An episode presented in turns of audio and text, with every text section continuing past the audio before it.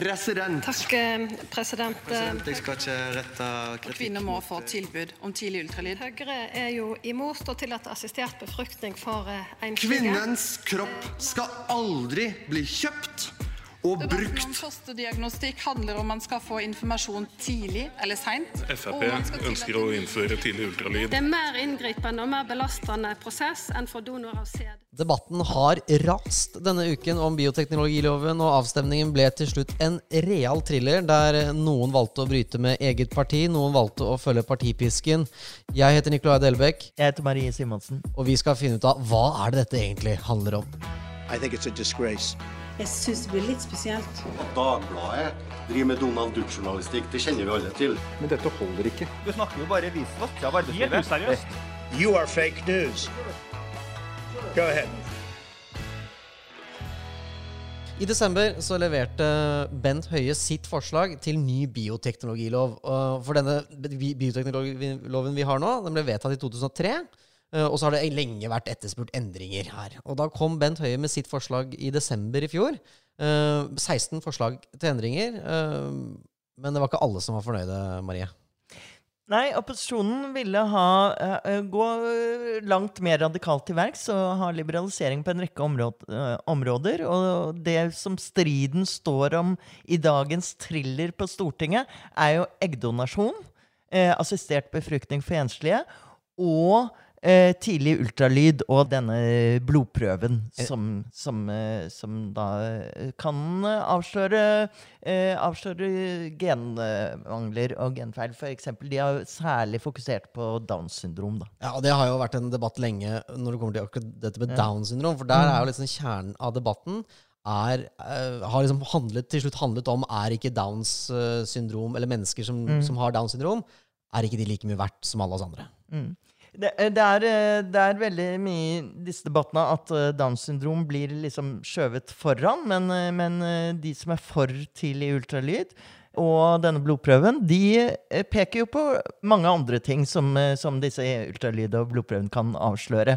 Eh, altså alvorlig sykdom, eh, f.eks., eller eh, sykdom som kan behandles i i livmoren. ikke sant? Og da er, mener de at eh, i dag, uten denne ultralyden, så er det faktisk slik at eh, tvillinger særlig blir nevnt, har, eh, har eh, dødd. Og Niklas Wilhelmsson fra, Senter, eller fra Sosialistisk Venstreparti har jo brukt et eksempel om eh, vennen Kristin fra Nesodden som mistet sine, sine to tvillinger da hun var gravid for noen år tilbake. 15 år siden. Og den saken kan du for øvrig lese på, på dagbladet.no om, om henne. Og det det hele tiden er en sånn grunnleggende utfordring i disse spørsmålene, er jo hvor mye informasjon skal kvinner få ha om sin egen helse?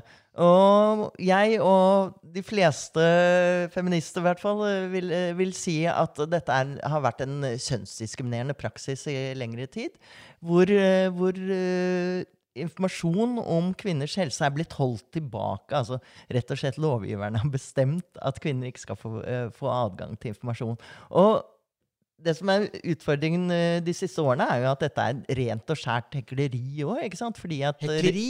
Hykleri! Ja. På hvilken måte da? Altså, øh, øh, det er jo øh, det er jo Ressurssterke kvinner kan jo få øh, tidlig ultralyd. Du kan jo bare betale for det. Eh, de kan reise til utlandet og få assistert befruktning. Eh, der er det lov med eggdonasjon også. Eh, det, er, eh, det er altså en eh, slags sånn klasselov som gjør at de som ikke har råd til å betale seg ut av det, de er rammet av denne loven. I det offentlige helsevesenet vil man da ikke gi tidlig ultralyd til eh, de som skal ta vare på kvinners helse under svangerskapet. Og, eh, mens, eh, mens de som er ressurssterke, de kan gå da til private leger og få, eh, få denne tjenesten. Og det er, eh, er dypt problematisk når det, i hvert fall praksisen er såpass vanlig som den er. Det er ikke akkurat noe luksus, dette her. Men først og fremst så handler det jo om at Teknologien er uh, utviklet. Det er jo det man diskuterer. At uh, teknologien gjør at man kan få informasjon eh, om ting man ikke kunne se for bare noen år siden. Og da er jo liksom spørsmålet hvor mye vil man egentlig vite? hvordan, skal man, hvordan skal man bruke denne teknologien? Men da blir det jo igjen litt sånn som i abortdebatten, at dette er kjempevanskelige etiske spørsmål. Men hvem er det da som skal ha rett til å få den informasjonen og ta den avgjørelsen? Og det mener jo jeg og de fleste her i landet at må være kvinnen. Uh, uh, Nasjonen skrev om at uh, organisasjonen Menneskeverd har levert 42 000 underskrifter til Bekkevold i KrF og, og Toppe i Senterpartiet, hvor de på en måte støtter Eh, støtter deres motstand da, av, uh, mot disse endringene som kommer fra Disse endringene kommer jo fra Sosialistisk mm. Venstreparti, Arbeiderpartiet, uh, og Frp, som da har gått sammen i det som er blitt kalt Den uhellige allianse.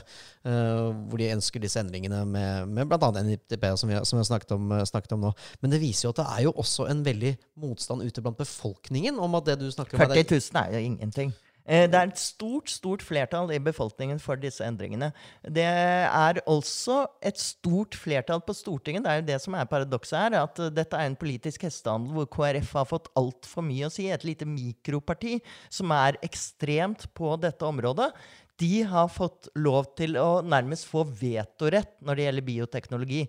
Og Det er derfor man nå er, har vært spent i dag på hvordan avstemningen skal være. fordi at uh, man, Er det sånn at pisken kommer til å gjelde, eller kommer noen faktisk til å bryte ut og stemme for det eh, primærstandpunktet sitt? Da har man hele Venstre, som jo har jobbet i årevis for å få til disse endringene. Og der sitter de bustet, uh, bundet og bastet, holdt jeg å si, og, og uh, må, må, stemme for KrFs, KrFs vedtak. Da så vi jo f.eks. Eh, venstrepolitikeren Kalle Grimstad som måtte, som måtte, svare på hva fikk Venstre igjen for at de støttet dette her. Og da startet han jo han sitt innlegg med en, med en flammende tordentale. Kanskje ikke helt flammende tordentale, men han sa det. Lojalitet er viktig i et regjeringssamarbeid. Og så fulgte han jo opp med å si Lofoten og Senja Vesterålen som de hadde fått igjen for det. Men, eh, men det er jo åpenbart, da. Men, men, det er klart at det foregår hestehandler i alle sånne Når man er en uh, flerpartiregjering, så må man gi og ta. Og det er jo Så lenge man ikke har rent flertall på Stortinget, så må man samarbeide med andre partier. Og da er det av og til uh, bitre uh, forhandlinger om saker som betyr er viktige for folk. Men dette er jo et veldig alvorlig og viktig, viktig verdispørsmål som Venstre har jobbet for i årevis for å få til disse endringene. Ja, ja. Venstre er jo et liberalt parti som har jobbet for dette her og, og, i mange år. Frontet nærmest denne kampen. Og der har vi jo Ketil Kjenseth uh, i Venstre, som har uh, varslet uh, tidlig at han, han kommer til å stemme mot. Mm. Altså mot sin egen regjering. Ja. For, for, seg sjøl, men mot sin egen regjering. Ja, han vil stemme for en liberalisering. Ja. Det, mens man i Frp som jo er med på dette forslaget for liberalisering, dette flertallet, eh, så er det jo markante skikker som Sylvi Listhaug, Per-Willy Amundsen, Christian Tybring-Gjedde, som har sagt at de vil stemme med regjeringen. Mm. Altså mot liberalisering. Og der har vi jo litt sånn uh, dobbeltside ved det fra KrF sin side, da, hvor de sier at uh, opposisjonen Vi vil veldig gjerne at dere i opposisjonen uh, fristiller deres representanter, sånn at de kan stemme etter egen samvittighet, sånn som Sylvi Listhaug, som du sier, har varslet at de skal gjøre. Mm. Men i posisjon så ser vi helst at dere følger partipisken. Nei, det er litt rart. Ja, det kan uh, definitivt se litt uh, rart ut. Men, uh, men, nå er det jo sånn at regjeringen har jo en regjeringsplattform som de styrer ut ifra. Og da kan man ikke liksom fristille representantene hver gang, hver gang det skjer. Og det var jo derfor det var så problematisk at Erna ga KrF vetorett i et sånt spørsmål. Hun visste jo at dette var et veldig vanskelig, vanskelig tema for veldig mange i regjeringen. Så her er det fritt frem for å stemme etter samvittighet så lenge du, så lenge du støtter ja. saken til Erna Solberg? Men, det, men sånn det, må jo, det må jo, alle må jo vite at eh, KrF er det ene partiet som har samvittighet her i landet. Nettopp. Er det ikke sånn? Det er jo sånn. De, det, det, er den etiske og moralske vokter i, i, Norge. Det vet vi alle. Det er nedfelt i Grunnloven av 1814 at når det kommer et kristent parti, så er det de som bestemmer hva som er den moralske retning i Norge. Du var lure og tok uh, kristen i partinavnet. Ja, det. Uh, for det er nemlig ikke første gangen at uh, KrF tar denne moralske stillingen. Vi husker Ropstad for eh, snart halvannet år siden, da dette veivalget til KrF skulle tas. Han, var det Hareide som skulle vinne, eller var det Ropstad som skulle vinne? Og stakk han av med seieren. Da var jo den store fanesaken til Ropstad Hva var det, Marie? Det var Det var selvfølgelig abortspørsmål. Man skulle jo aldri trodd at det kom opp igjen. Men, men, da ville han jo at eh, Da sa han at dette er en historisk sjanse for KrF til å eh, endre på eh, stramme inn eh, abortloven. Men det skjedde jo ikke helt sånn som han Nei, hadde forventet da, det og lovet. Og den kampen der eh, har jo KrF eh, innsett at de har tapt. Dermed så er biotekloven og bioteknologi blitt en ny slags abortslagmark. Eh, vi skal finne ut uh, hvorfor Norge påberoper seg retten til å være et av de mest progressive landene i Europa, samtidig som vi er blant de mest konservative i Norden på nettopp uh, slike verdispørsmål. Du har tatt kontakt med Johannes Berg, som er forsker Vår go-to-guy når det gjelder statsvitenskap. Ja, han er, Kan du fortelle litt om han? Han er fra Institutt for samfunnsforskning, og han er en tallknuser og valgforsker uten like. Vi er jo på mange måter progressive selvsagt i Norge og i, og i Norden sammenlignet med mange andre land når det gjelder likestilling eh, f.eks. Men det vi også har hatt i Norge særlig i lang tid, er jo en, en, en del av, av, norsk politikk som er mer religiøs og mer konservativ. Eh, og Det har jo en lang politisk eh, historie bakover i tid hvor, hvor det har vært en slags motkultur da, i, i norsk i, i, norsk kultur som, som, har kjempet mot sekularisering, som har kjempet mot denne typen utvikling. Og de, Den delen av norsk kultur har jo fått fotfeste, eller har fotfeste i Kristelig Folkeparti, eh, som jo eh, av ulike grunner har, har, klart å få gjennomslag på en del områder, og har kanskje på en måte forsinket utvikling som ellers ville ha kommet men raskere. Men det er en uh uttrykk for eh, strømninger som også går inn i andre partier. Det er jo det som er uh, Hver gang vi snakker om dette, så sier vi jo dette mikropartiet KrF får altfor mye innflytelse. Men vi ser det jo også i Senterpartiet, f.eks., og vi ser det i deler av Frp. Ja, nettopp. Det, det, tror jeg er riktig. Og, og, på noen områder har man også sett det på venstresiden at det har vært en slags sånn hva skal man si, SV, ikke minst? Ja, ja, ikke sant. Eh, så jeg, tror nok den her eh, man kan kalle det en motkultur eller eh, en, en motstand mot liberalisering på, ulike områder. At den går inn i, i, i flere partier. Og, og, kanskje er Senterpartiet det partiet som ligger nærmest KrF på, på, det området. Men hva er det som gjør at vi i Norge har en så sterk motkultur på disse verdiliberale spørsmålene, til forskjell fra f.eks. For Danmark og til en viss grad Sverige også? Ja, det, det, er nok at de, de, kulturene, i hvert fall sånn historisk sett, så har de her motkulturene og, og lekmannsbevegelsen i Norge stått veldig sterkt. Hvis vi går 100 år tilbake i tid så var avholdsbevegelsen eh, den største folkebevegelsen eh, i Norge. Eh, som har, som har sånn sett prega norsk kultur. Så Det er det ene, at man har på en måte et kulturelt element som har vært delvis eh, altså geografisk betinga. Det er deler av landet hvor den kulturen har stått sterkt. Eh, men så er det selvsagt også det rent sånn politiske, da, at man har et parti i sentrum av norsk politikk, eh, KrF. og til en del Senterpartiet, som eh, ved at de befinner seg i sentrum, at ulike typer av regjeringer har vært avhengig av de partienes eh, støtte, gjør at de får mer makt enn de, de ellers ville ha hatt. Eh, og, og, For KrF sin del så er det et parti som, som kanskje ligger i sentrum på mange spørsmål, kan inngå kompromisser mange veier, men har mer uh, avvikende synspunkt når det gjelder uh, moralske religiøse spørsmål, og har da liksom, et forhandlingspotensial for å få gjennomslag for, for de sakene. Så det du mener er at fordi at da KrF så lenge har vært på sett og vis på vippen, da, så, så har de brukt disse verdikonservative um, uh, sakene sine og fronta ved at ja, det, vi, vi, kan gå med på ditt og datt både til venstre og høyre, så lenge vi får gjennomslag for våre verdikonservative saker? Ja, det er litt sånn. Eh, absolutt. Og sånn er jo forhandlinger i politikken. Det er ikke noe, noe galt med det for så vidt, at man får gjennomslag. Man eh, kompromisser på områder som ikke er så viktige for partiet. og så får man gjennomslag på de sakene som er spesielt viktige for eh, partiet. Og, og Senterpartiet er jo kjent for å være gode forhandlere. og Og det er nok også KrF på en del, på en del områder. KrF er altfor gode forhandlere, etter min mening. Men uh... da, må, da, må, jeg skyte inn og si at jeg er journalist her, så jeg har ingen mening oppi dette her, altså. Men uh, Nei, de har jo sagt at dette er den viktigste saken i denne stortingsperioden for dem. Så intet mindre. Men det jeg syns er interessant, er at man ser en utvikling kanskje mot en litt sånn amerikanisering av disse spørsmålene.